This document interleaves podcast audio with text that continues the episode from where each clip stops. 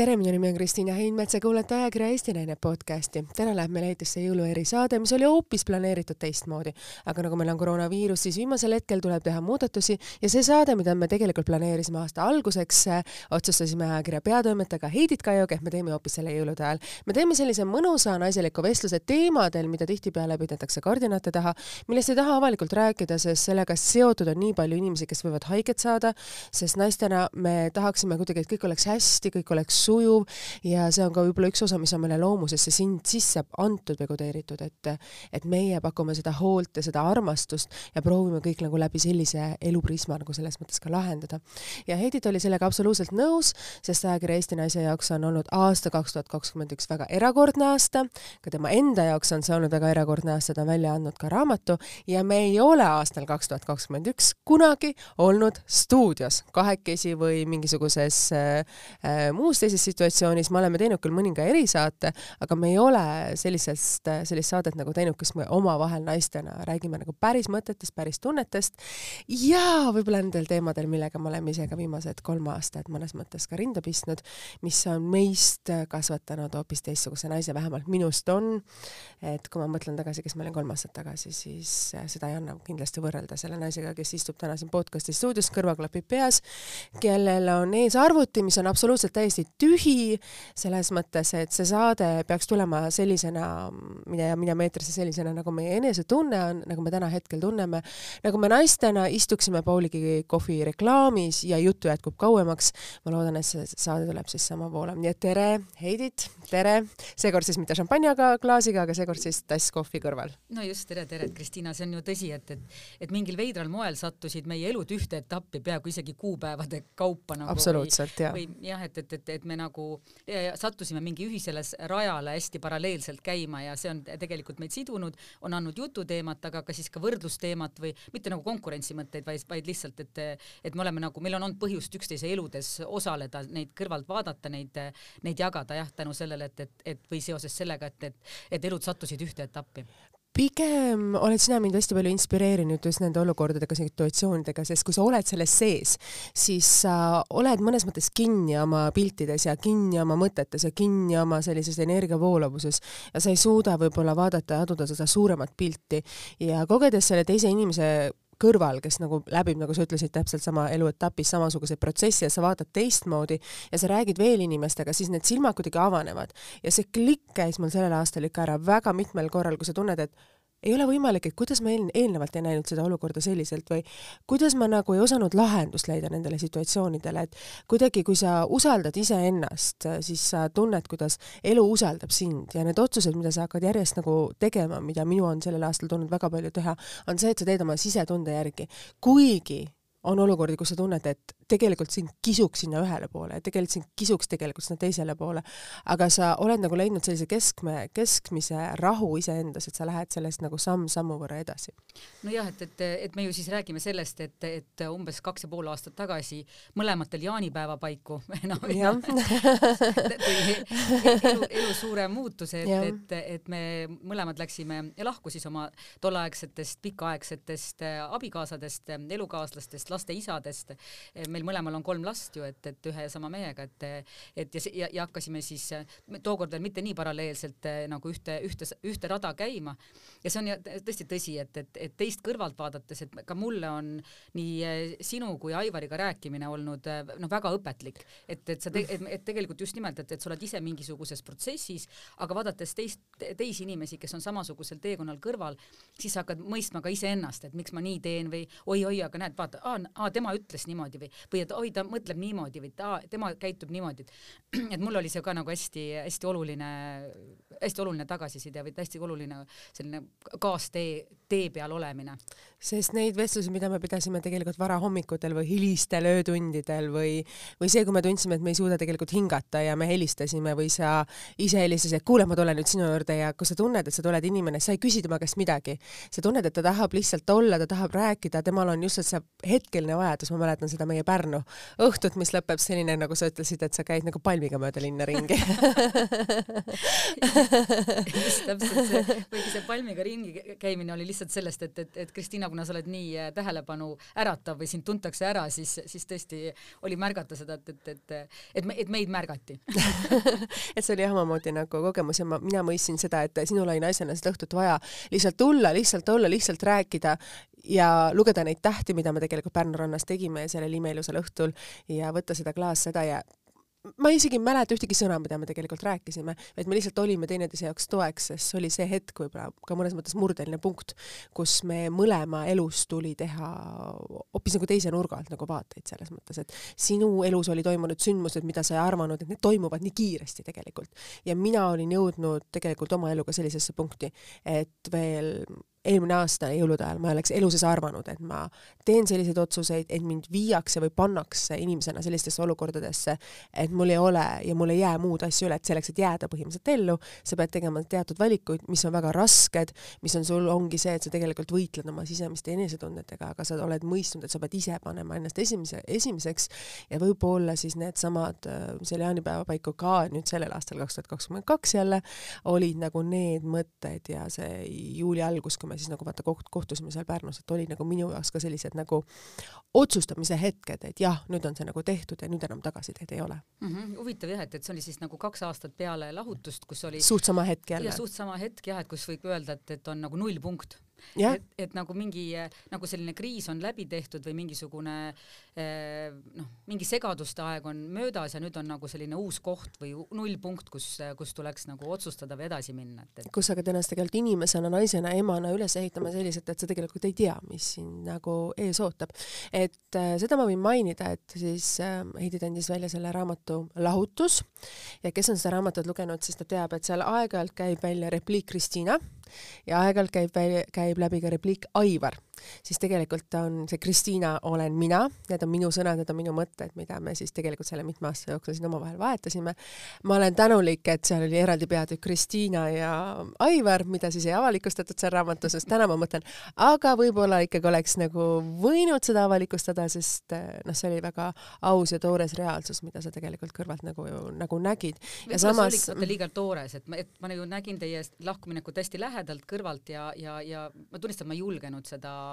noh, see, ma oleks muidugi luba küsinud juhul, nagu ma mm, -hmm. nagu selles raamatus on palju teisi tegelasi te,, teisi tegelasi veel, kellelt ma olen luba küsinud, kas ma võin kasutada neid, ma muidugi oleks seda luba küsinud, aga, aga mulle tundus, et see, et see kõik on nagu veel no selline noh, teie puhul oli see nagu äh, ma ei tea, niisugune Dostojevskilikult ka kaarikutega üle lume sõit selline, ma ei tea, lumi tuiskab kahele poole ja natuke pöörane kihutamine, et, et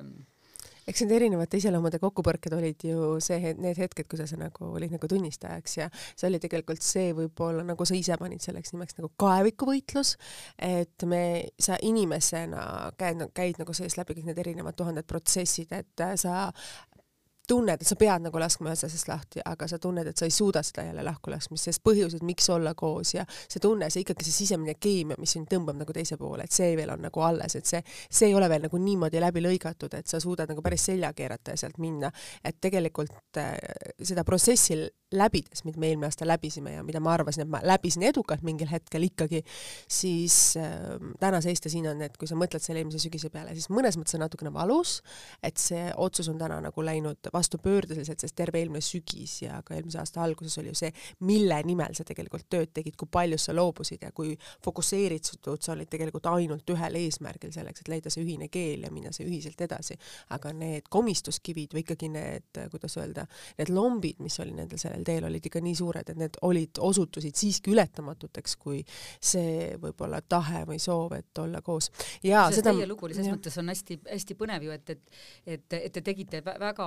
tõsise ja siira katse uuesti al alustada, et, et, et anda uuesti võimalus mm, -hmm. mis on, mis on võib-olla ka selles mõttes oluline näha või mõista, et, et tegelikult äh, selliseid lahkuminekuid ei teha kergekäeliselt või, või mm -hmm. nendes püütakse nagu ikkagi leida uuesti ja uuesti ühist keelt, et, et seda, et, et paarid teevad väga sageli kusagil taustal äh, mingisugust noh, väga suurt tööd, et, et, et väga lihtne on noh, kellelgi kõrvalt küsida, et mis siis nüüd juhtus või mis, mis, siis nüüd viga on või mis teil on, teil oli kõik oli kõik nii korras et tegelikult äh, seal kusagil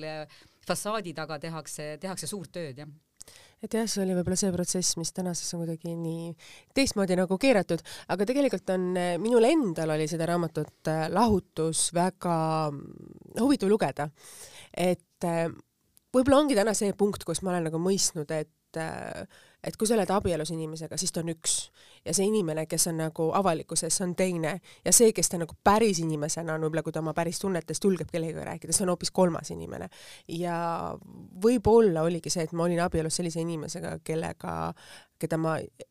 keda ma võib-olla ei laseks oma lähiringidesse ja võib-olla see inimene, kellena, see inimene, kellega sa olid abielus ja kellega sul on ühised lapsed, et võib-olla ta ei osanud ka olla tegelikult see päris enda mina, et ta ei osanud olla võib-olla see päris iseennast, et ta kuidagi pani ennast mingisuguste raamidesse, mis tegelikult mingil hetkel panid tema ennast sisemiselt tegelikult kokku jooksma ja need käitumismudelid ja mustrid, mis sealt siis tegelikult välja tulid, ei olnud jälle aktsepteeritud teisele poole, sest teine mõistis, et see ei ole nagu tegelikult päris reaalsus, sest noh, mina esimest korda näiteks lugesin inimesega, kellega kellega ma olen olnud kakskümmend aastat, kakskümmend üks aastat tegelikult koos, see on väga suur osa minu elust,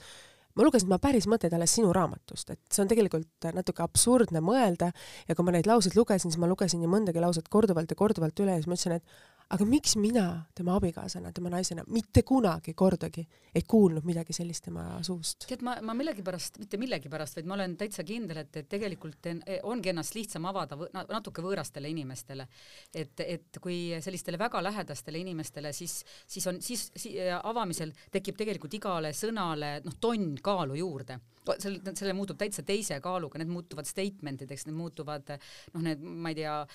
telliskivi hunnikuteks, et, et need on hoopis teistsuguse kaaluga, kui sa ütled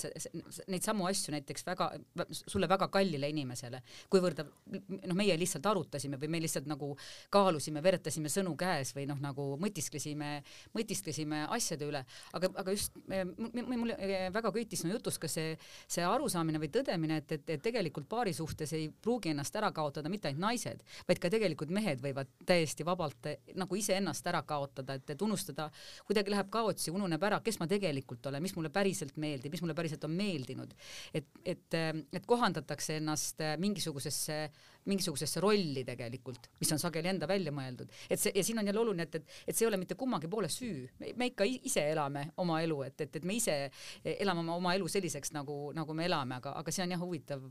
märgata seda, kuidas, kuidas tegelikult on ka lahkuminekus vastastikus olemas, et, et, et see ei ole ka kunagi nagu ühepoolne või no muidugi võib olla ühepoolseid ka lahkuminekuid, eriti kui on näiteks mingi sõge armumine taustal, et, et siis on, siis on tõesti ühepoolseid lahkuminekuid, aga, aga muul, muul juhul, kui ikkagi kaks, kaks inimest on koos, kolmandat osapoolt ei ole, otsustavad lahku minna, et, et siis noh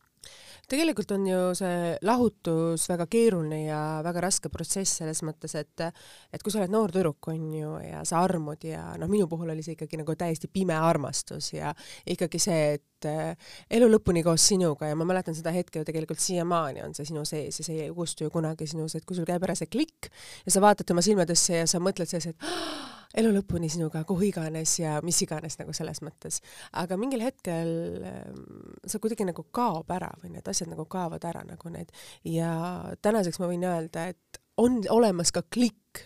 mis käib ära siis ja siis on kõik. ja see on täpselt see, et äh, see on jälle see olukord, kus teine inimene, inimene sind paneb.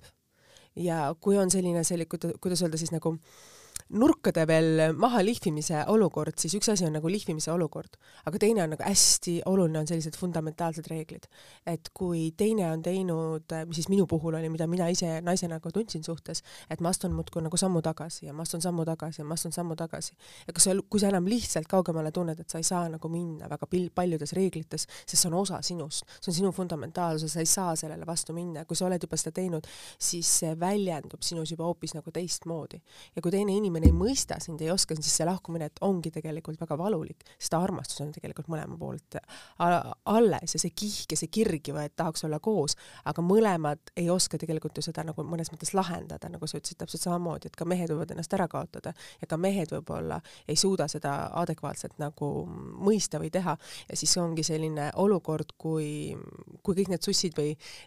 ja need suusad ja need saapad ja kõik need potosed ja kõik need e-, erinevad detailid, mis sul on tegelikult selle abielus jooksevad jooksevad niimoodi kokku ja kui see klikk käib ära, siis ikkagi on mõnes mõttes see, mida mina nagu sellel aastal läbisin, et et kui see klikkub ära, sa tunned, et on nagu tühjus. Siis sa võtad selle otsuse vastu, et sa oled, kuidas öelda, tõmmanud selle punase joone laua peale ja seda teinud nagu reaalselt omaenda mõtetes hästi kardinaalselt ja väga selliselt mõnes mõttes otsustuskindlalt, et sa tunned lihtsalt, et sa enam ei suuda kaugemale minna ja astuda mitte ühtegi sammu enam koos, siis see ikkagi see tõmme kuidagi omavahel nagu jääb ja sa mõtled, et kui see inimene teeks veel ühe sammu või kui ta paneks sind midagi tundma, et vot see olulisus ongi see, et sa võid teha kõiki tuhandeid asju, aga kui sa ei pane seda teist inimest tundma, et ta tahaks astuda seda tagasisammu, vaid sa käitud just vastupidi, siis sa ise ei saa täpselt samamoodi aru, et sa tegelikult lükkad iga oma sellise liigutusega teda kaugemale ja kaugemale ja mingil hetkel ongi see, et sa hakkad vaatama, et aga, aga siin ei olegi enam midagi, et ei ole enam seda, kuhu astuda tagasi või pigem see hetk, kui sa ootasid, see teine inimene ütleks, et või teeks midagi mis paneks su keerama ja selleks on vaja võib-olla ainult kolme sõna või kahte sõna, aga sa pead selle inimese oma sisemuselt niimoodi tundma panema. ja kui seda ei tule, siis ma arvan, see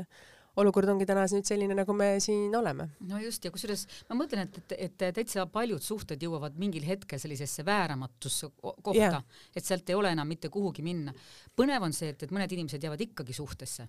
ja siis, ja siis kuidagi vinduvad edasi. Ja tegelikult äh, olles mõlemad ennast ära kaotanud, iseennast, tundmata ennast äh, iseendaga koha, koos olles üldsegi mitte toredasti, tunnes, tundes ennast mitte toredasti koos teisega koos olles, et, äh, et see minu meelest noh, mõistes seda vääramatust siis ka tegelikult julgeda lahkuda, et see on minu meelest tohutult suur asi, et see annab nagu äh, Oeh, see annab elus hästi palju juurde. Äh, ma olen mõistnud, et kui sinus on alles veel mingi osa armastust selle inimese vastu, siis see otsus, et ma pean sust lahti laskma, on see, mis tuleb veel sellest lugupidamisest ja armastusest selle inimese vastu aga kui sa oled kuidagi minetanud või kaotanud nagu lugupidamise selle teise inimese suhtes ja austuse respekti ja eelkõige sa oled teinud seda iseenda suhtes, sest kui sa ei austa iseennast, kui sa ei respekteeri iseennast ja kui sa ise tunned seda väärtusetuse tunnet, siis see on see, kuidas sa käitud ka teise inimesega tegelikult. Ja sa astud nagu järjest ja järjest rohkem reha peale, mis lükkab seda teist inimest nagu eemale, selle asemel, et käituda täiesti vastandlikult sellele, mida sa tegelikult oma sellistes kriitilistes olukordades teed noh, see on suhtes hästi hull olukord, kui jõutakse sinnamaani, kus enam tegelikult vastastikku ei respekteerita, vaid ollakse sõjajalal ja see on noh, selles mõttes see on hull olukord, et, et, et see, see on nagu meeletu jõud, mida ollakse valmis panema üksteisele haiget, haiget tegemisse tegelikult. seda ma tean seda sa oled näinud nagu te, ja, ja ma olen seda tegelikult näinud ka veel teistes suhetes, ma olen sulle ka rääkinud, et olen ja. teie suhet võrrelnud ühe teise lähedase, lähedase mulle äh, tuttava suhtega, et, et, et, et kui see juhtub, siis see on ja siis see, siis see jõud, mis, mis, mida ollakse valmis panema nagu äh, teineteisele haiget tegemisse, et see on hirm, võib olla hirmuäratav. Seda muidugi natukene ebameeldiv kuulata, aga mina tegelikult äh, ma olen nagu mõelnud ka ise hästi palju see protsess tegelikult, mida ma olen see aasta nagu läbinud, et kui keegi oleks mulle öelnud aasta tagasi, et sa oled nüüd, istud täna siin ja sa räägid sellist juttu ja sa oled läbinud kõik need asjad, siis ma oleks öelnud, et ha-ha-ha, et äh, see, see, mida sa räägid, on absoluutselt teine vale. sest see, mille nimel sa tegelikult tööd tegid, et, et su pere oleks koos ja kõik oleks hästi, et see oli nagu hästi oluline nagu sinu kui naise jaoks. aga ikkagi midagi oli sellist, et sa keerasid selle ukse kinni ja selliselt ja ja sa hakkasidki tegelikult seda, seda sammu astuma ja astuma ja iga samm, mida sa tegelikult tegid, ega sa ju ei teadnud, kuidas või mismoodi, aga mingil hetkel sa tunned, et äh, sa sead iseennast inimesena esikohale, sa mõtled, sa pead ellu jääma ja sa vaatad tegelikult selle ausa, toore reaalsusele otsa seal peeglist, sa jätad kõrvale armastuse, sa jätad kõrvale oma lapsed, sa jätad kõrvale kogu oma elu, kõik oma asjad ja sa mõtled ainult, et kuidas ja mismoodi sa hakkad oma elu vundamenti äh, laduma, kui sa pead olema üksi. sa pead üksi ellu jääma, sa pead üksi hakkama saama, sa pead absoluutselt kõiki asju üksi tegema. ja sinu jaoks on kõige olulisem tegelikult sellel hetkel see, mida siin, mida mina tundsin, on see, et ma pean jääma ellu selleks, et olla oma emal, oma lastele ema. olla oma lastele ema, emana eeskujuks. et kui on reeglid või sellised fundamentaalsed, mis on mis on sinus nagu ära lõhutud, aga need on nagu sinu osad, siis see on see, mida sa naisena tahad, et sinu pojad mõistaksid, mis on oluline sinu jaoks. ja kui sa ei suuda seda paari suhtes, sa pigem eemaldud sellest suhtest, sest need asjad on sinu jaoks olulised. täpselt samamoodi, kui sul on tütar, mis on nagu nii tähtis roll olnud minu jaoks, et ma nagu tunnen, et kui see tütar sündis, siis ta hakkas mind ümber kasvatama, mind ümber õpetama nii paljudes asjades, et kõik see, need olukorrad, need situatsioonid, kus ma olin astunud nagu sammu tagasi, oli see, mis tuli mul nagu uuesti tagasi et need äh, tõdemused, väärtused ja need asjad, mis on minu jaoks olulised, siis on see võitlus, mida ma hakkasin nagu pidama. ja just sellel nimel, et minu tütar näeks seda, mis on õige ja mis on vale. et temal oleks nagu sisemine tunne, et tema võib-olla ei teeks neid vigu, et kui mina vaatasin mingil hetkel oma elus ringi ja ma vaatasin oma tütart ja ma vaatasin elus ringi, siis ma mõtlesin, aga mina ei taha, et minu tütar võib-olla on nendes olukordades, mina ei taha, et minu tütrega nii käitutakse. ja kui mina panen ennast oma tütre olukorda, siis mida mina emana teen, kui mina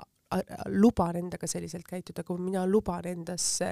enda peal selliseid asju harrastada, siis ma näitan eeskuju, et see on normaalsus. aga minul on täna naisena see õigus ja see võimalus, et ma murran selle mustri või lõikan selle mustri läbi ja alustan oma elu nende väärtuste, nende oluliste detailidega, mis on minu jaoks olulised. ja need võib-olla, mida ma olen abieluga kaasa võtnud ja mis on abielludes minu, minu elu osaks tulnud, et siis ma nendes, kuidas öelda siis, jätan need selja taha ja ütlen, et see ei ole minu jaoks okei okay,, see minu jaoks ei sobi ja teine pool ongi valikus, et kas ta valib sinu ja selle pere, mida ta on loonud, või ta jääb kindlaks nendele väärtustele, mis ta on kodus kaasa võtnud. sest sinu kui ema ja naise jaoks on palju asju, mis lihtsalt ei sobi ja seal ei ole enam läbirääkimiste küsimusi, sest nende aastatega sa oled astunud nii palju samme tagasi ja see ongi ka võib-olla see osa, kus teine pool peaks astuma sammu tagasi ja kui tema seda ei astu, siis sina oled naisena saanud tegelikult selle väe ja selle jõu nii suurelt, et sul ei ole enam vahet. et sa tead, et sa saad üksi hakkama, sa tead, et sa pead seda tegema, sest see roll, mida sa täidad emana, on sinu jaoks palju olulisem ja see, et sa iseendast pead lugu, et sa ei kaota seda lugupidamust iseenda jaoks ära, sest kui sa ei pea iseendast lugu, siis sa ei suuda seda oma lastele edasi anda ja kui sa ei suuda sedasi anda, siis mis rolli sa üldse emana ju tegelikult siin mängid? Ja ma olen sinuga nõus, et, et selline eksistentsiaalses mõttes pärast lahkuminekut kõige, kõige olulisem hetk on see, kus sa mõistad, et ma olen tegelikult üksi, et ja. ma, maailm algab ja lõpeb minuga, isegi võib-olla romantiliselt toredaid, toredaid asju, aga tegelikult see mõistmine, et, et aga, aga, et ma olen põhimõtteliselt üksi ja, ja et ma seisan oma laste eest samamoodi, et, et ega see ema roll kuhugi ei kao. aga seal on põnev ja see, et, et kuidas siis algab iseenda uuesti ülesehitamine et tegelikult on nagu koostisosad on samad, samad Kristiina tükid, eks ole. absoluutselt, aga, aga, aga käivad... sa oled teises järjekorras ja teistmoodi ja, ja võib-olla on ka teatud tükid, mis on sulle juurde pandud, mida sa oled lihtsalt endale kõrvalt öelnud, öelnud ei, see ongi see mõnes mõttes enda piiride kehtestamine, iseenda tundma õppimine, mis on sinu, mis ei ole sinu ja mis ei ole sinu, sa ütled lihtsalt ei sa isegi ei mõtle, sa ei kaalutle, sa ei lasku enam diskussiooni, sa ütled lihtsalt ei, nii on ja kogu lugu. aga või ma küsin seda, et, et, et te, te tegite nagu uue katse, onju, mitte nagu uue katse, vaid tegitegi uue, uue katse. et ja samas mulle, mulle, mulle näiteks üks sõber on öelnud, et, et nemad tegid ka paarina uue katse mm, -hmm. aga see oli just nagu miinusesse minek. et tegelikult, et see tegi nagu et see uuesti lahkuminek oli, oli isegi nagu keerulisem kui see esimene, et, et sellele on selles mõttes hästi keeruline vastata, sest kui mina lahutusprotsessi sisenesin see kolm aastat tagasi, siis märtsikuus käis see suur pauk ära, mis oli täpselt samamoodi tollel hetkel seotud sellega, et mina naisena, mina emana ei suutnud teatud olukordasid, mis oli minu peresse tekkinud, lihtsalt enam aktsepteerida, kuna see puudutas juba minu lapsi. Ja vot see on see jõud, kui sa saad emana, sa tunned, et aga minul on täna võimalus see muster läbi lõigata. Ja kui mina seda ei tee, siis ma tean, mis selle reaalsuse taga võib olla. Ja kui ma seda mustrit läbi täna ei lõika, siis ma võtan vastutuse selle eest, et sinu lapsed võivad teha elus valikud, mis käivad kardinaalselt vastu sinu kodus saadud kasvatuse vastu. ja vot see ongi nagu see hetk, kui sa saad selle meeletu jõu. Ja nagu sa ütlesid, et äh, kas see teine lahkumine hetk on keerulisem või mitte, siis minu jaoks see esimene ikkagi oli niivõrd raske, et ma olin ihualusti sisenesin nagu Erna retkele, mul on kolm last süles ja sinu vastas on inimene, sest ma olin tollel hetkel oma kolmanda lapsega kodus. ma olin võtnud emana hästi põhimõttelise reegli, et ma olen iga lapsega kolm aastat kodus, mul oli see võimalik, me olime teinud peres sellise kokkuleppe ja kui see lahutus hakkas, siis ma olin kolmanda lapsega meil reaalselt kodune, ma ei teadnud veel kuhu või mismoodi edasi, ma ei olnud jõudnud neid mõtteid mõelda, et mis saab mu tööalaselt või karjäärialaselt, et selles mõttes ma olin kõige haavatavamas, kõige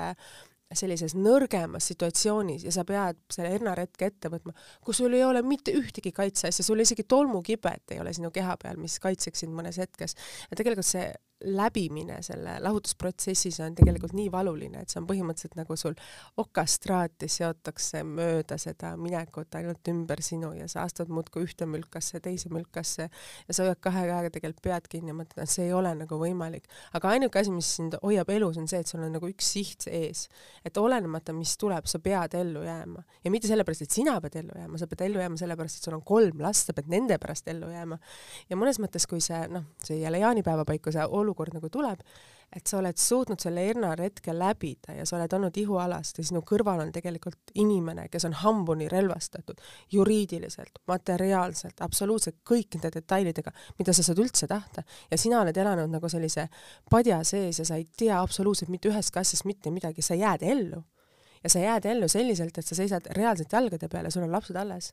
siis see on kõige suurem õnnetunne ainult et sellel hetkel, kui sa vaatad oma keha, siis sul ei ole ühtegi kohta või ühtegi punkti, mis sul tegelikult ei valutaks, mis ei oleks sul marraskil ja sul ei ole põhimõtteliselt enam, põlved on seal praktiliselt luuni katki lebitud, sest see võitlus tegelikult selle nimel, et ellu jääda, on olnud nagu päris raske, et kui ma nagu kirjeldan, kuidas sa ennast mm -hmm. tegelikult naisena tunned. ja siis, kui see viimane allkiri on sulle antud, et noh, nüüd on nagu kõik, siis ma arvan, üks kolm nädalat on selline periood, kus sa kus sa ei saa aru nagu, sa elad nagu mingisuguses hallolluses, sul läheb selline autorežiim peale, sa ärkad hommikul üles, sa teed oma asju, kui keegi küsib, mida sa sellel ajal tegid, ma ei mäleta ühtegi hetke, ma ei mäleta ühtegi asja nagu selles mõttes. sest see, et sa saad aru, et sa pead ennast identifitseerima ümber nii paljude detailide ja asjadega, et see on nagu nii keeruline jah, kasvõi seda, et, et hakkama ütlema eh, endise abikaasa kohta eks või midagi sellist, et, et, et isegi tiitlid muutuvad, et, et see, seegi vajab nagu ümberharjumist. sellega läheb ikka päris pikalt aega, sest sa ei suuda talle kuidagi nagu eks öelda või sa ei suuda kuidagi öelda, et ma mäletan seda hetke, et et kui toimus see väljakolimise hetk, et maja jäi nagu minule, siis ikkagi see, olenemata, mis sul nagu oli või mis sul ei olnud, siis see, et sa läksid tema riietusruumi näiteks ja sa tahtsid tema lõhna tunda või ikkagi see nagu see läheduse vajadus oli nagu hästi suur. et tegelikult see on see hetk, kui mõlemad osapooled võiksid tegelikult öelda, et anna andeks ja teine osapool ütleb anna andeks, et leiame ühise keele. et see, kui sul on see ühine lähedus on veel ikkagi nagu nii suurelt veel alles, et tegelikult sellel hetkel peaks leidma selle ühise keele. aga siin tuleb jälle see inimeste egod tegelikult hästi suurelt nagu mängu, et, et kui sina naisena võid ju teha kõik, aga kui teise poolt ei tule nagu sellist äh, enda ego mahasurumist ja ei tule sellist nagu egoistlikku mõnes mõttes isiksuse mahasurumist ja sest see suurus ja kuidagi see, mida sa oled ise tegelikult ka naisena aidanud ju tema kõrval ehit-, ehitada, et sa oled ju loobunud tegelikult oma tööst, et et meil oleks lapsed, sa oled loobunud nii paljudest asjadest, et sul oleks imeilus kodu, et see näeks alati perfektne välja, et sul oleks need imeilusad reisid, et sa saaksid seda, neid korraldada, et sa saaks seda pereelu korraldada selliselt, et su lapsed saaksid kõikides oma eluunistusi täita, käia muusikakoolis, käia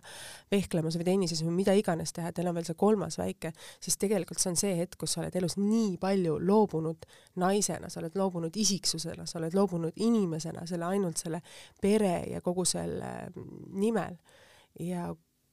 ja sa mõnes mõttes ka aitad ju seda, astudes muudkui sammu-sammu tagasi, loobudes ise oma isiksusest, annad seda isiksust iseenda juurest ja teisele poole üle. ehk sa naisena mõnes mõttes aitad seda ego suurendada, sa aitad kõike seda paisutada ja kui ongi see nagu lahkumineku hetk, siis on täiesti mõistetav, et teine pool ei saa arugi absoluutselt mitte midagi, et mis mõttes, et kõik oli ju niimoodi, kuidas sa nüüd aru ei saa, aga siis sa ütled, et aga ma olen ka inimene, ma ei ole see tapeet enam lihtsalt seinas, et mul on mõtted, mul on päris mõtted, mul on päris tunded ja need on ka olulised, aga noh,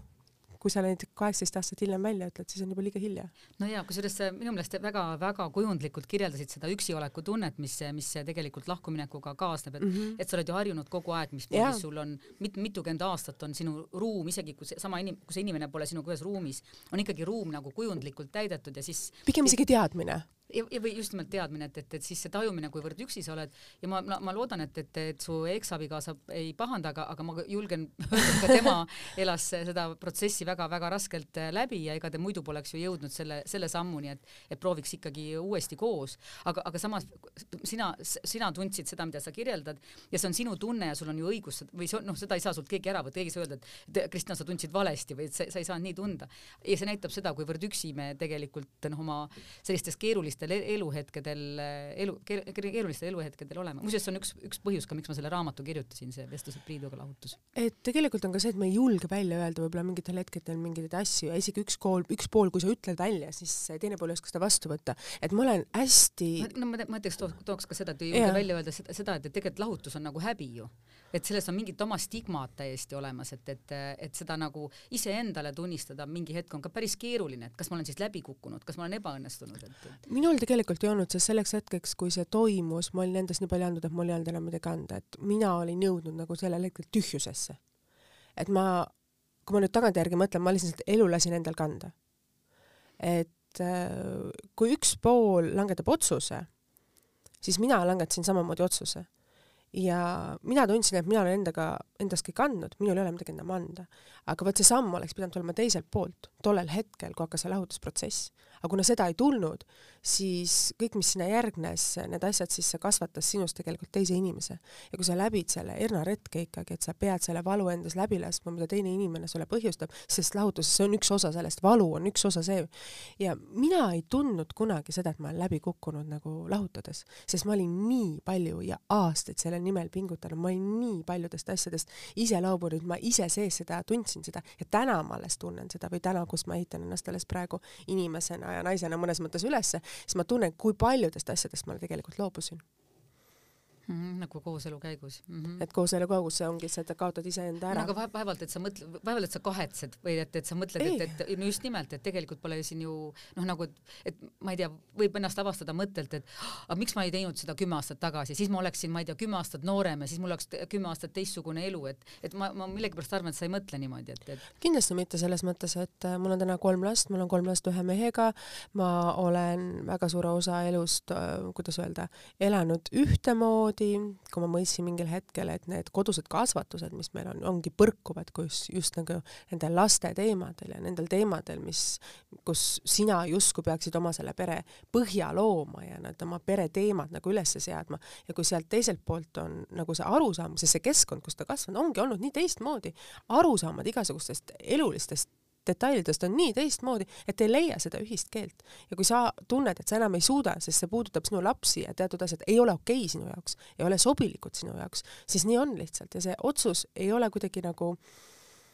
ei ole nagu selles mõttes valus enam või see on nagu selles mõttes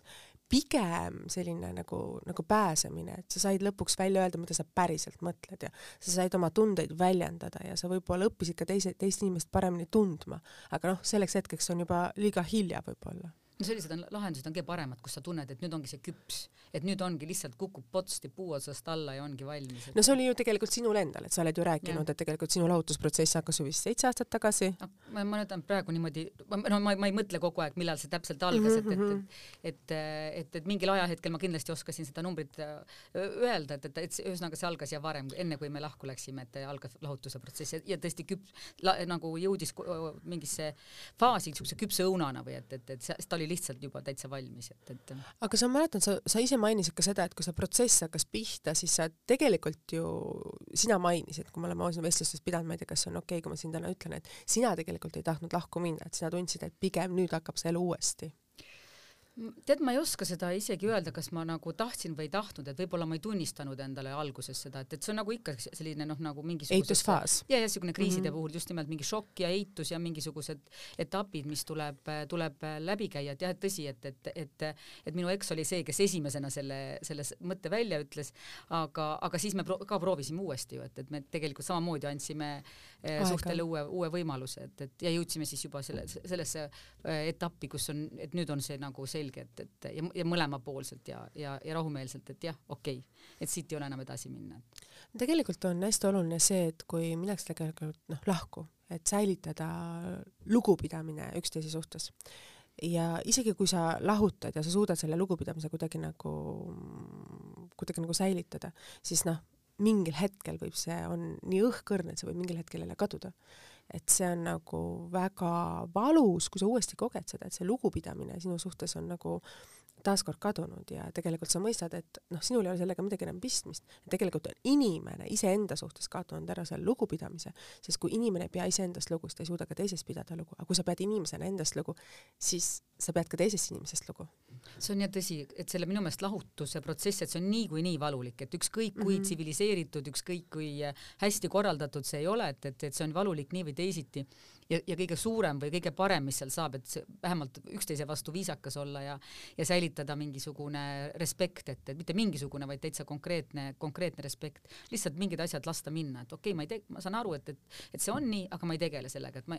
meelega kasvõi ma ei võta tüli üles, et, et kuigi võib-olla hing võiks tahta või sisimus võiks tahta või võib, võib tunduda tunne, et oh, see on nii ebaõiglane, et ma tahan, ma tahan kindlasti siin eh, oma sõna sekka öelda, siis siis mulle tundub, et just lahutuse protsess on see koht, kus tuleb öelda, et, et kus tuleb lihtsalt taganeda ja, ja, ja, ja mitte sõtta minna seda on ju keeruline teha, et kui sa te oma raamatut kirjutasid ja sa ju rääkisid nii paljude inimeste asjadega, mis on see asi, mida sa ise seda raamatut kirja, kirjutades õppisid? Ehm, tegelikult ma õppisin võib-olla kõige rohkem seda, et, et mul polnud mitte õrna ettekujutust, missugune võiks olla elu pärast lahutust. Absoluutselt. Just, et se selles suhtes tegelikult eh, puudub nagu fantaasia või, ja hästi huvitaval moel tegelikult, mul on palju tuttavaid ümberringi, kes on lahku läinud, kes tegelikult ei ole seda kunagi ja me oleme jutukad, noh nagu naised ikka. Nagu tänane saade. Nagu tänane saade just, ja tegelikult nad ei olnud nagu rääkinud sellisel, sellisel moel mulle seda lahkumineku protsessi. Või siis teine variant, et nad võib-olla nad polnud seda analüüsinud, võib-olla nad polnud mõtestanud enda jaoks. väga sageli ka mõeldakse, et, et minu protsess on unikaalne ja siis, kui sa hakkad rääkima, siis selgub, et, et oi, aga see on päris samasugune ja teisel on samasugune, et tegelikult on mingisugused teekonnad väga sarnased, mida läbi käiakse. et mul oli see hästi-hästi nagu vajalik äh, kogemine, et, et ja arusaamine, missugune on elu peale lahutust ja, ja tegelikult ka arusaamine sellest, mida, mida sa ise kirjeldasid, kuidas elu algab, algab ja lõpeb minuga ja, ja tuleb seista iseenda kahel jalal, et tegelikult see, keda ma saan oma elus ja maailmas, kusjuures kõige rohkem usaldada olen ma ise ja see ei ole mingi kibestumisega või noh, mingi pettumusega mm, -hmm. vaid pigem nagu arusaamine, et ahah, jah, et, et selge, et ma pean iseenda kahel jalal seisma. ma olen täna mõistnud nagu siis praegu kaks pool aastat hiljem, kui see nagu lahutusprotsess on olnud, et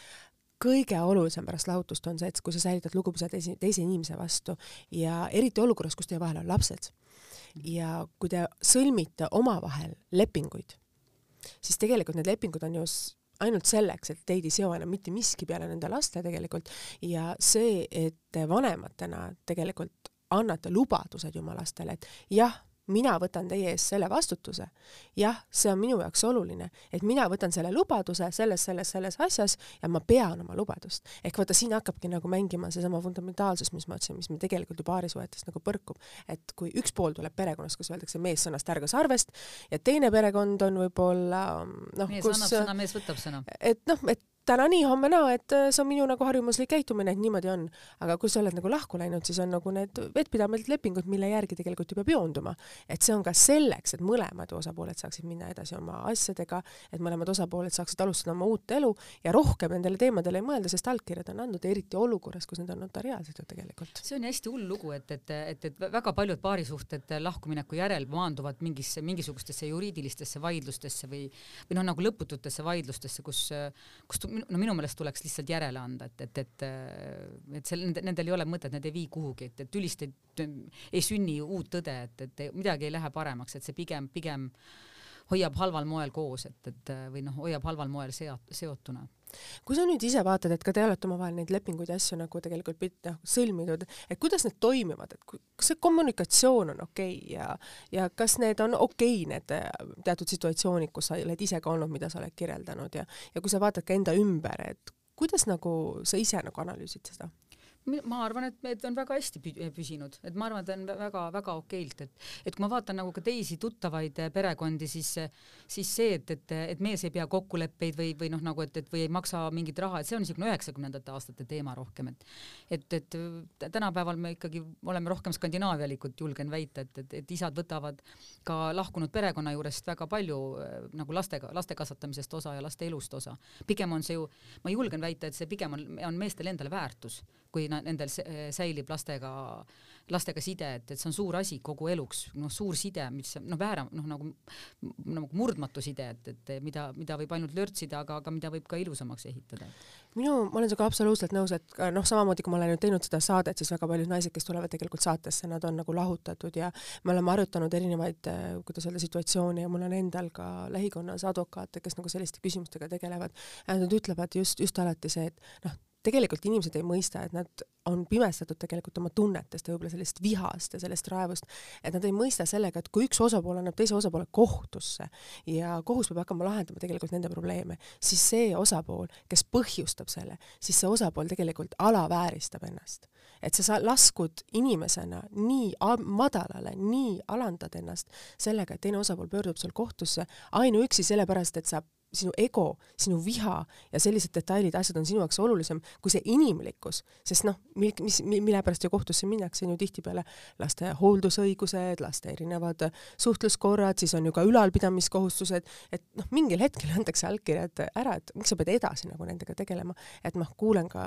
ise täpselt samamoodi, et kui mul sõbrannad siin räägivad, et et noh, tegelikult on uskumatu et kui inimesel on, sul on kõik võimalused olemas, sa oled võtnud selle kohustuse oma laste ees, sa oled sõlminud notariaalsed lepingud ja siis mingil hetkel sa satud üks kord kohtusse, satud teist korda kohtusse ja võib-olla kolmas-neljas kord lihtsalt sellepärast, et sa otsustad, ah ma ei viitsi neid lepinguid täita, ah ma ei taha, et anna mind kohtusse, et ma ei tee seda. et see on nagu mina kahtlustaks, et siin on no, pigem mingit laadi suhtlusvormiga tegemist. et see, see on, ei, kusjuures see ongi reaalsus see ja kui sa küsid oma sõbranna käest, mis siis toimub, et kohus määrab ka otsuse, maksabki selle elatise ära, kolme kuu pärast on jah, see sama, samasugune olukord. no see on põhjust jälle suhelda. no et siis äh, tundub vist, tundub vist küll niimoodi, et kui muu, muus osas ei suuda kuidagi ütleme siis kontakti leida või, või mismoodi, et, et see on, see on just minu, minu jaoks oluline just, on nagu see, et, et ära alaväärista ennast, et ära lasku nii madalale, et üks osapooltest peab pöörduma kohtusse ja noh, kui vaadata, et see on Eestis ju massiline, kui palju on tegelikult nende elatisvõlglastega ja kui palju tehakse kiirmenetluste, kiirmenetlusi olukordades, mis on nagu täielikult absoluutselt absurdi asjad ja kui palju tegelikult advokaadid äh, kasutavad seadusandlust, et peenhäälestada sellise tunni täpsusega äh, selliseid olukordi, siis mida, mõttetud olukorda, mida peavad siis kohus nagu tegelikult nagu lahendama, kui me vaatame siin erinevaid telesaateid, kus inimestel on päris probleemid, kus on lastega mured, kus on selline mure, millega sa ei üksinda hakkama ja siis sa pead lihtsalt kellegi mõttetute egodega nagu tegelema, nagu siin ümbruskonnas on, et siis see on nagu selline nagu vastik tunne nagu emana, vastik tunne on tegelikult naisena, et, et miks seda vaja on? no ja ma, ma tõesti olen ise, kui ma kõrvalt olen neid näinud, siis olen mõelnud, et see on ju see on mingit laadi eh, suhtlusvorm, aga sa, samas sealt tõesti teine pool on siis kaotanud selle tunnetuse ära, et, et, et sellele naisele on see ikkagi väga raske olukord, et see on nagu emotsionaalselt yeah. nagu ülimalt keeruline olukord, et see ei ole lihtsalt see, et oh, et siin on väike sõjake või, või et peame väikest lahingut, vaid et see on, see on ikkagi noh, oluliselt, olus, oluliselt valusam või oluliselt keerulisem kui, kui lihtsalt sellele sõjakale teisele poolele. kusjuures üks asi, mida ma olen ka mõelnud, noh enda puhul ka, et, et, et, et hästi sageli püütakse lastega suhtlust lahendada põhimõttel, et, et on õiglane nii, et, et nad on viiskümmend protsenti siin või viis ja viiskümmend protsenti seal. ma vaidlen vastu, ma olen absoluutselt selle vastu just, et, et seda püütakse tihti nagu lahendada nagu vanemate õigluse seisukohast, et vanematel on õigus olla lastega viiskümmend protsenti ja viiskümmend protsenti ja siis eh, teisega ja siis vanematel on ka õigus öelda, et mul on vaja oma vaba aega ja vanematel on õigus, nagu vanemate õigusi on nii tohutult palju ja siis, aga siis mul tekib alati küsimus, aga kus on need laste õigused? olen absoluutselt sinuga nõus, et minu jaoks on oluline, et lapsel on üks kodu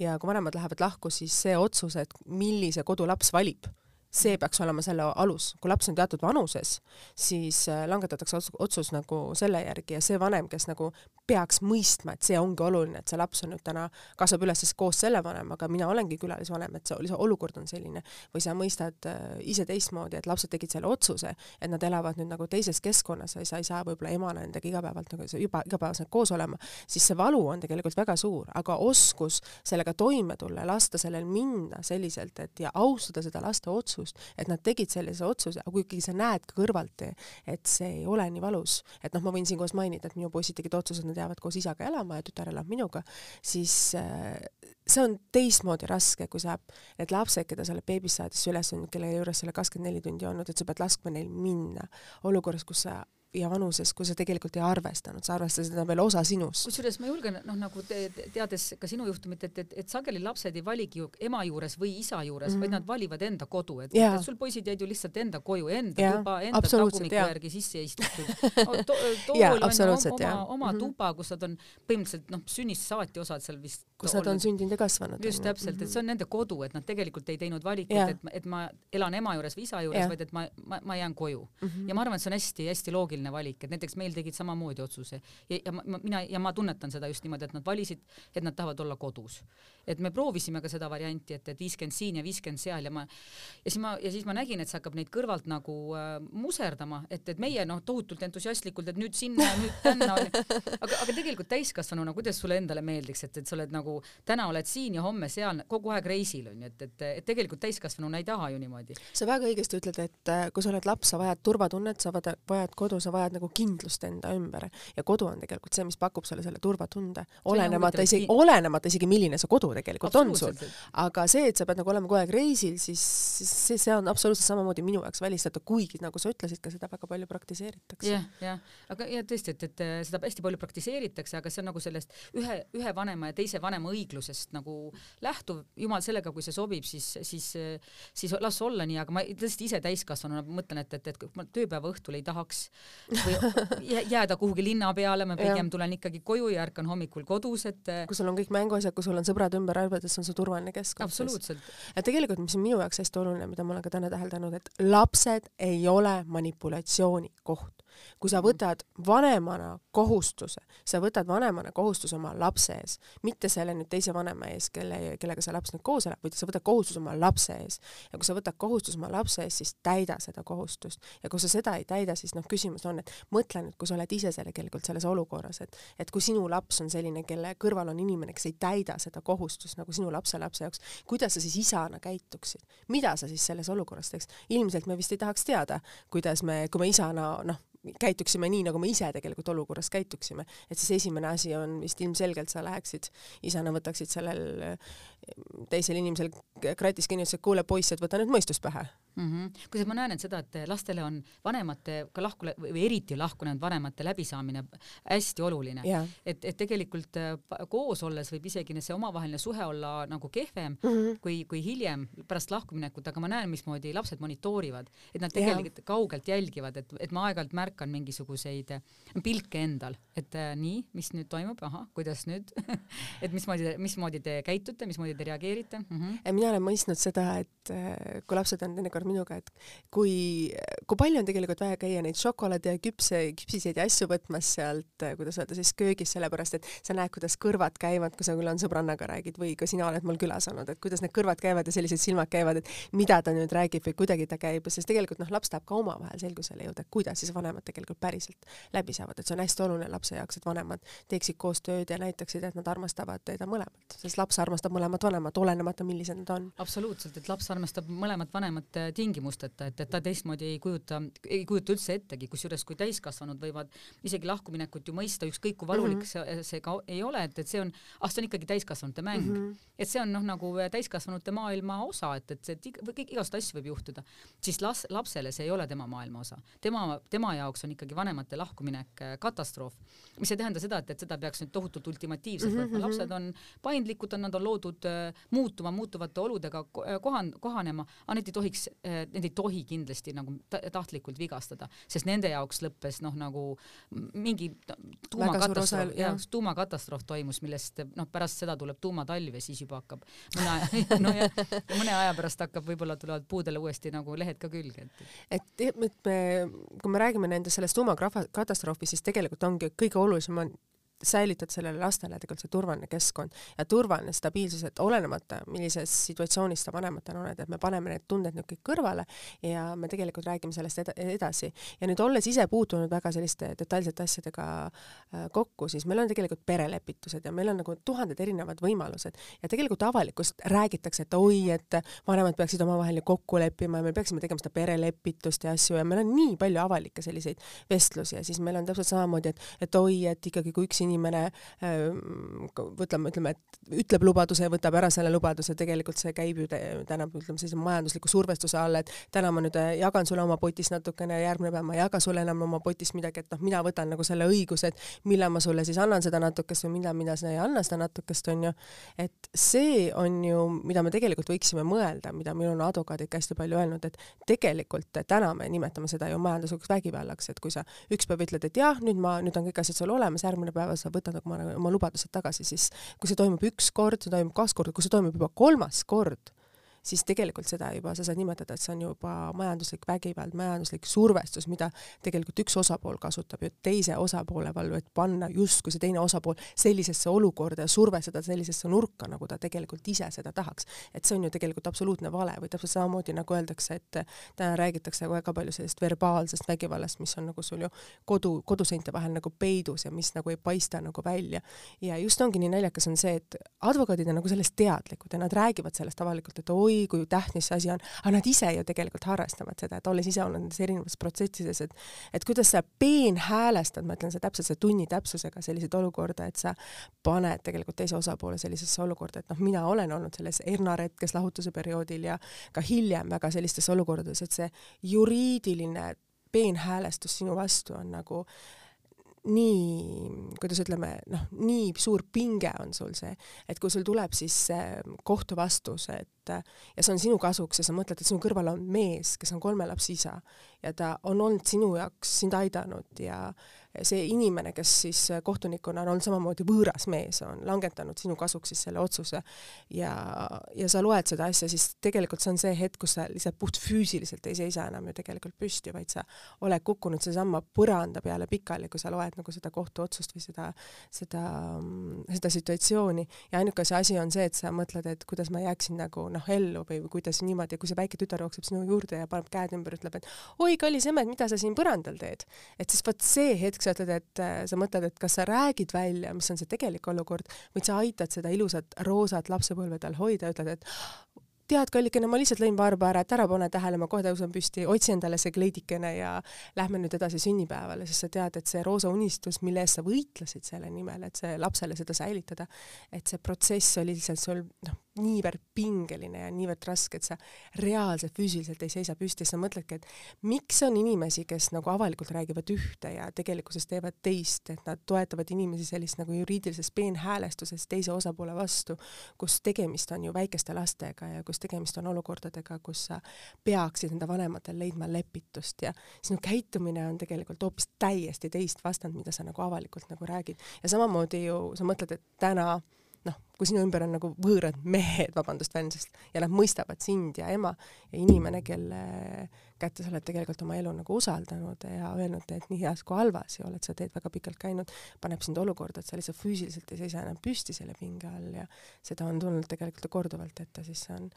päris valus mõelda. no samas advokaatide kaitseks, siis nemad teevad seda, mida neile on öeldud, mille eest makstakse. absoluutselt ja. ongi, ma ütlengi, nad teevadki seda oma tööd, nad teevad seda nagu tuimalt, aga iga, igale olukorrale on võimalik panna see inimlikkus sisse. et sa võid seadust äh, tõlgendada just ka suhte otsuses nagu sellist ebaõiglaselt äh, juriidikalt lähtuselt külma kõhuga, noh näiteks nimetades siis lihtsalt, et aga kuule, tead, mul pole sellel ajaga, sellel päeval võimalik kokku saada seda mahaistumist teha, et tead, ma lähen nüüd siin lastega äh, arsti juurde, mul on siin füsioterapeudid ja muud teemad onju, et ah, et lükkame selle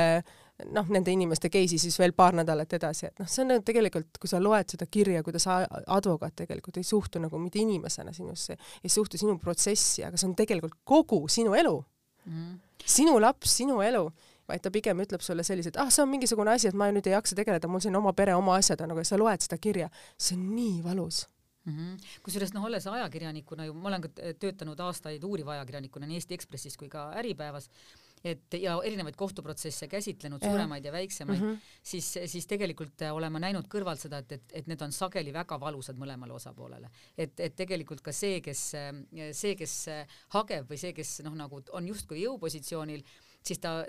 võib üsnagi varsti avastada, et, et see, see, see on ikkagi selline tahtmatu pinge, mis on, mis kaasas käib, et, et, et mind on ka korra ajakirjanikuna äh, kohtusse kaevatud mm, -hmm. küll suhteliselt tühise, tühise asja pärast, just nimelt suhteliselt mm -hmm. tühise asja pärast, aga isegi ka see oli pinge, see on ju ometigi töö ja, ja, ja et, et see ei ole midagi isiklikku ja nii edasi. ja kui see ei ole sinu selline tavapärane asi, et kohus ei käi sinu töö osasse või sellisesse, sa puutud sellega väga harva kokku või kui sa esimest korda sellega kokku puutud, see on päris karm. jah, et selle, see, see tekitab pinget ikkagi, et see toob äh, isegi väiksed, väiksed kohtuasjad, rääkimata see, kus on mängus juba elu ja, ja tõesti nagu e, saatused omal moel, et, et, et need, need tekitavad mõlemale osapoolele täiesti kindlalt pingeid kui sa nüüd ise vaatad ja oled ajakirjanikuna vaata neid protsesse ka kajastanud nii palju ja asjad, mis on see, mis on aidanud või mida sa oled hiljem täheldanud või mis on nagu see retsept, et kuidas nagu sellistest asjadest nagu välja tulla? Ja kui sa ka oma raamatut kirjutasid, siis paljude inimeste jaoks või paljude paaride jaoks olid need protsessid ju tegelikult minetatud ja võib-olla sellel hetkel, kui see raamat välja tuli, nad enam ei tahtnud enam sellest midagi teada, sest nendel oli uus elu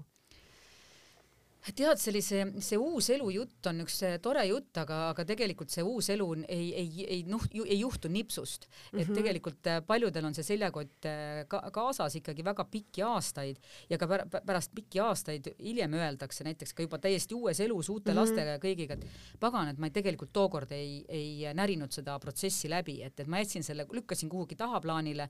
panin kuhugi riiulile seisma ja see aeg-ajalt kummitab mind ikka, et ta sealt hüppab, hüppab sealt riiuli pealt välja välja tahtmatult olukordades, kus ei taha ja ja, ja ta elab nagu oma elu. et, et, et ma isegi julgeks väita, et, et teinekord ka kümme aastat hiljem äh, hakatakse mingisuguseid protsesse uuesti läbi käima, uuesti läbi tammuma, eriti kui tek, tekib teele mingi trigger, mis selle mm, -hmm. selle käivitab, et et ja sellist, sellist uue elu ettekujutust, et me, me, me, kuigi ma, mina hästi propageerin seda mõtet, et on üks elu, et si ja siis sa lähed edasi järgmise eluga, siis omal moel ikkagi see, sa, sa päris sellest eelmisest elust ju ei, lahti ei saa, et ega mingi amneesia ei taba või siuke mälukaotus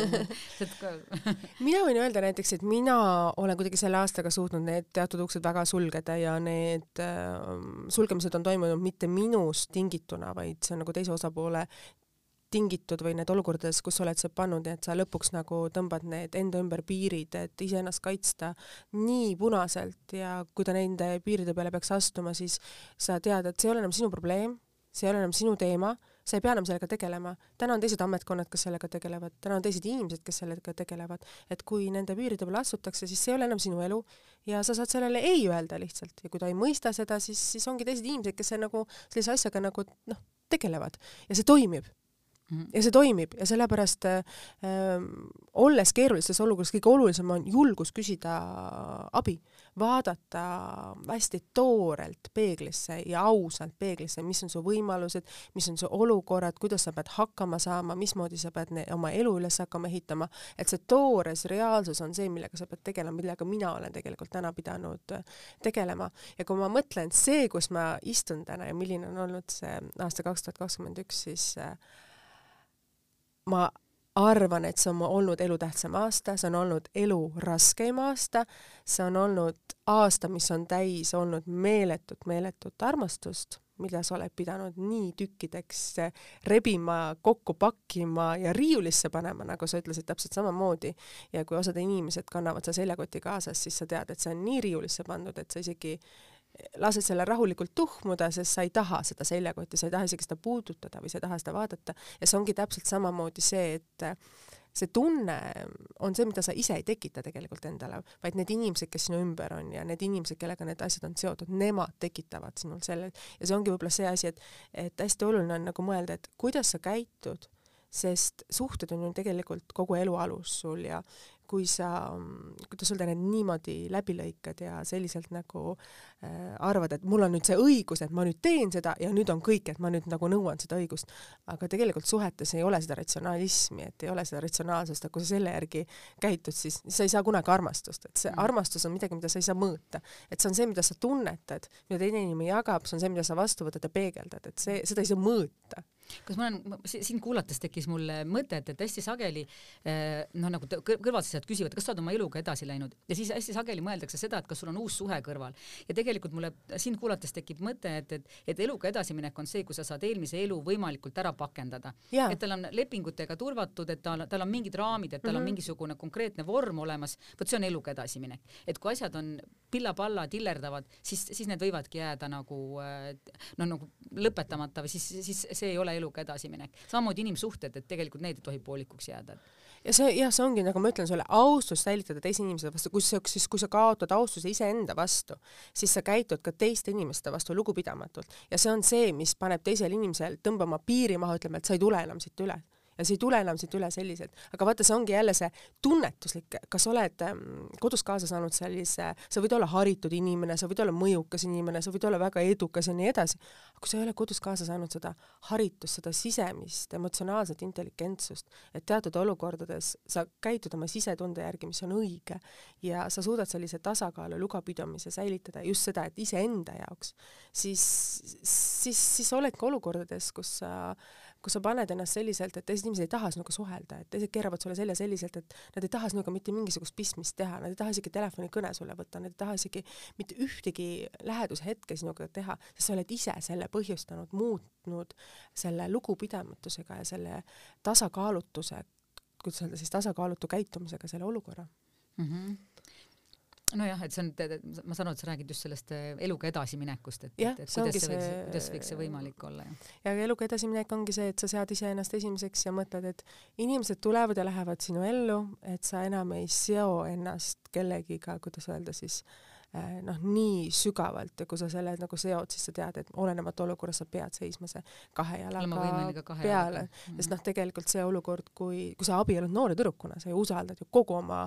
elu kellegi kätesse ja te hakkate ju koos seda üles ehitama, koos üles pusima, te magate selle ühe madratsi peal, te pole isegi voodit, onju. ja mingil hetkel see elu ongi nii suur ja nii võimas, aga vaata, see ongi see, et see suur võimualused ja kõik see suurus, mis sinna ümber tekib, et see pimestab sind selliselt, et sa kaotad ära selle inimväärikuse, inimsuhted või ka selle arusaama, mis oli selle suhte alus ja see lugupidamine. kusjuures see, mis sa räägid just, et, et, et sellel aastal sa õppisid nagu tunnetama seda piiride seadmist, siis minu meelest see on ka üks, üks põnevamaid osasid pikaaegsest suhtest eh, lahku, lahkuminekul on iseenda uuesti ülesleidmine, iseenda piiride, iseenda eh, nagu mingi uuenemine, et vähemalt mm -hmm. minu puhul oli see küll nii, et, et, et ma tundsin küll, et ma nagu pidin mingi oluliselt põhjalikuma protsessi läbi käima kui lihtsalt lahkuminek, et, et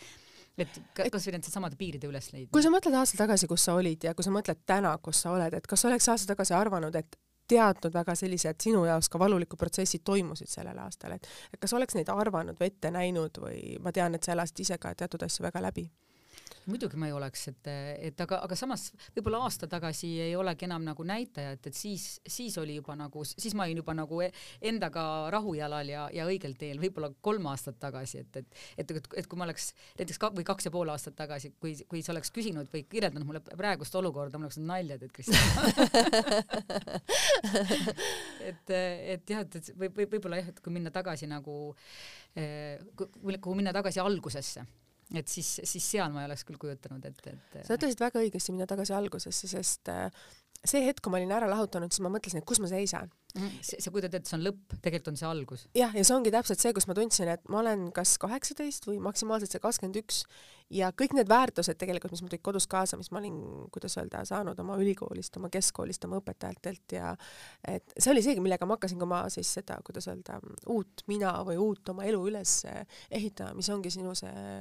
vundament, mis on nagu sinu enda baas on see, mille peale sa hakkad seda ehitama. ja kui see baas on olnud sul, kuidas öelda, teistmoodi, siis see baas on kõrvale jäetud ja ongi sul uus elu. et see on ju huvitav, et nagu elu algab sealt, kus ta pooleli, et, et mingid asjad väga kangastuvad sellest pooleli jäänud kohast, mitte et seal vahepeal ei oleks juhtunud toredaid asju, aga lihtsalt nagu see kakskümmend aastat ongi kokku pakitud riiulisse pandud selliselt, sa isegi ei mõtle enam selle peale. Ja sa ei mõtle just sellepärast, et et sa oled tagasi jõudnud mõnes mõttes sinna ruut-, juurte juurde ja sa oled õnnelik ainult selle üle, et sa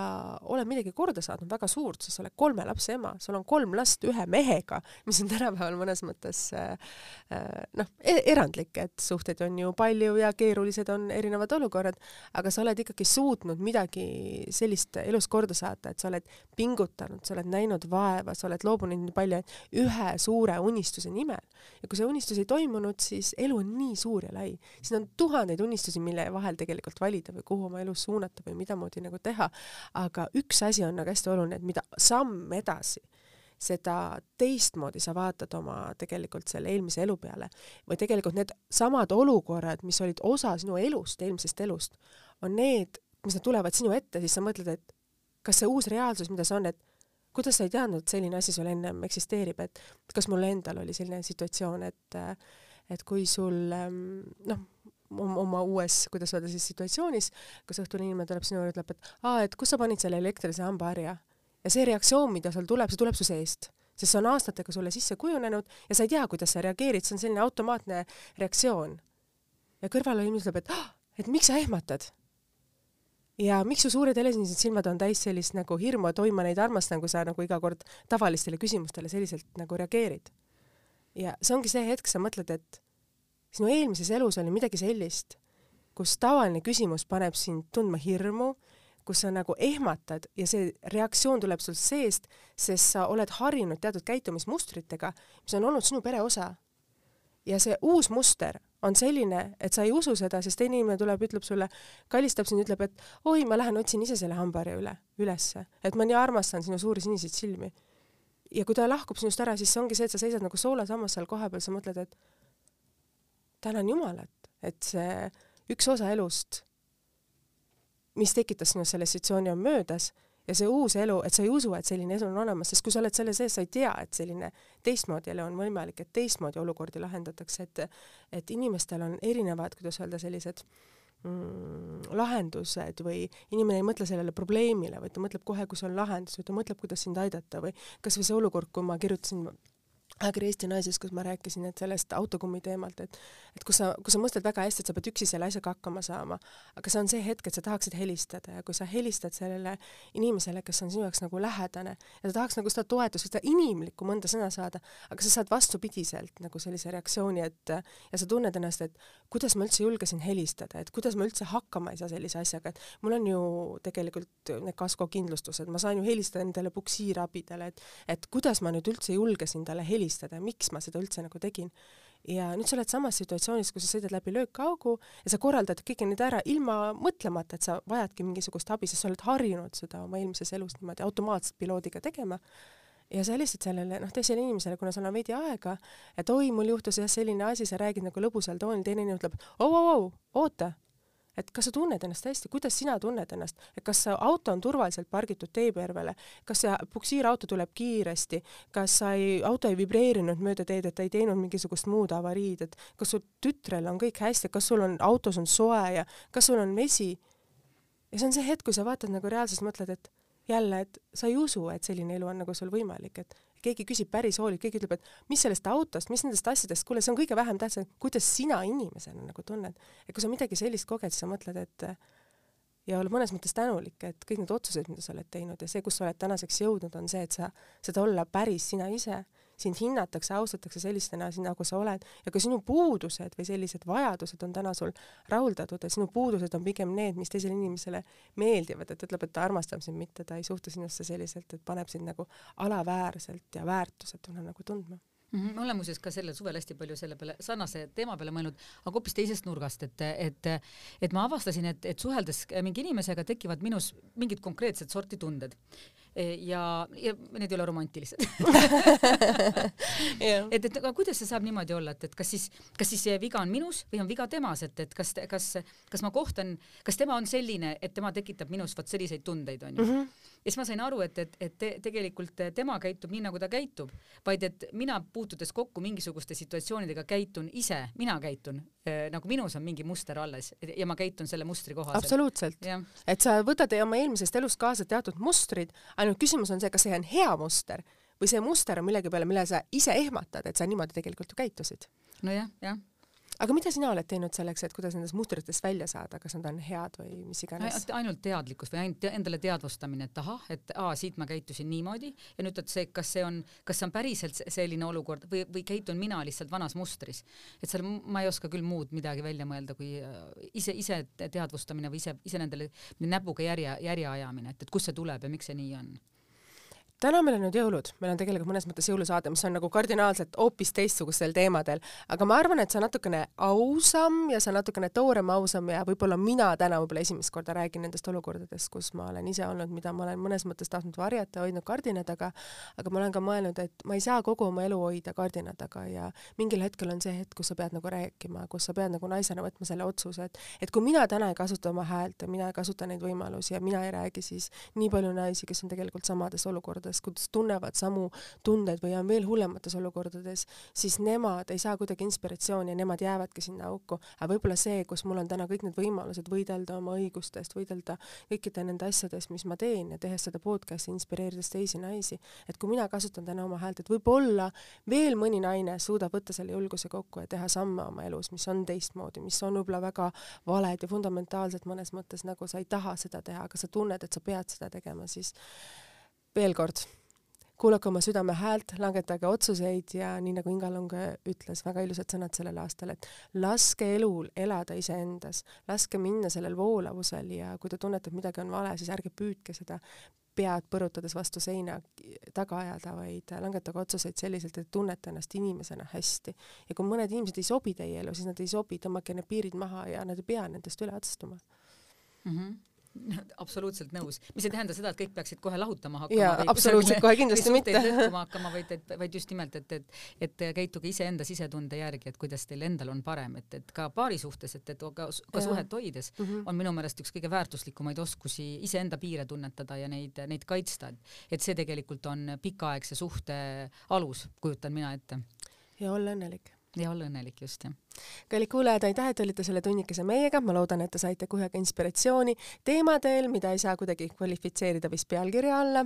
millel ei ole võib-olla olemuslikult mingisugust sisu või väärtust, aga võib-olla natukene ausaid ja siiraid mõtteid. aitäh, et olite tunnikese meiega, kauneid pühi verivorstisärinat ja seda mõnusat seakaelakarbonaadi lõhna, neid hapukapsaid, piparkooke glasuuridega ja neid võib-olla veel vanema õuntest tehtud õunakooke, mida veel jõuludeks teinekord on jäänud, minu lapsepõlve enda mälestused. aitäh teile, kallid kuulajad, aitäh Heidit, kauneid pühi ka sulle, sulle, sulle ja ka. kohtume juba teiega nädala pärast, kui on eetris siis meie selle aasta lõpu viimane saade, mis on veidi erilisem ja traditsioonilisem, see läheb eetrisse ka videokastina. aitäh teile, kallid kuulajad, kuulajad, saade on ikka ja alati kättesaadav SoundCloudis, Spotify's ja tasku Delfi keskkonnas. kaunid pühi!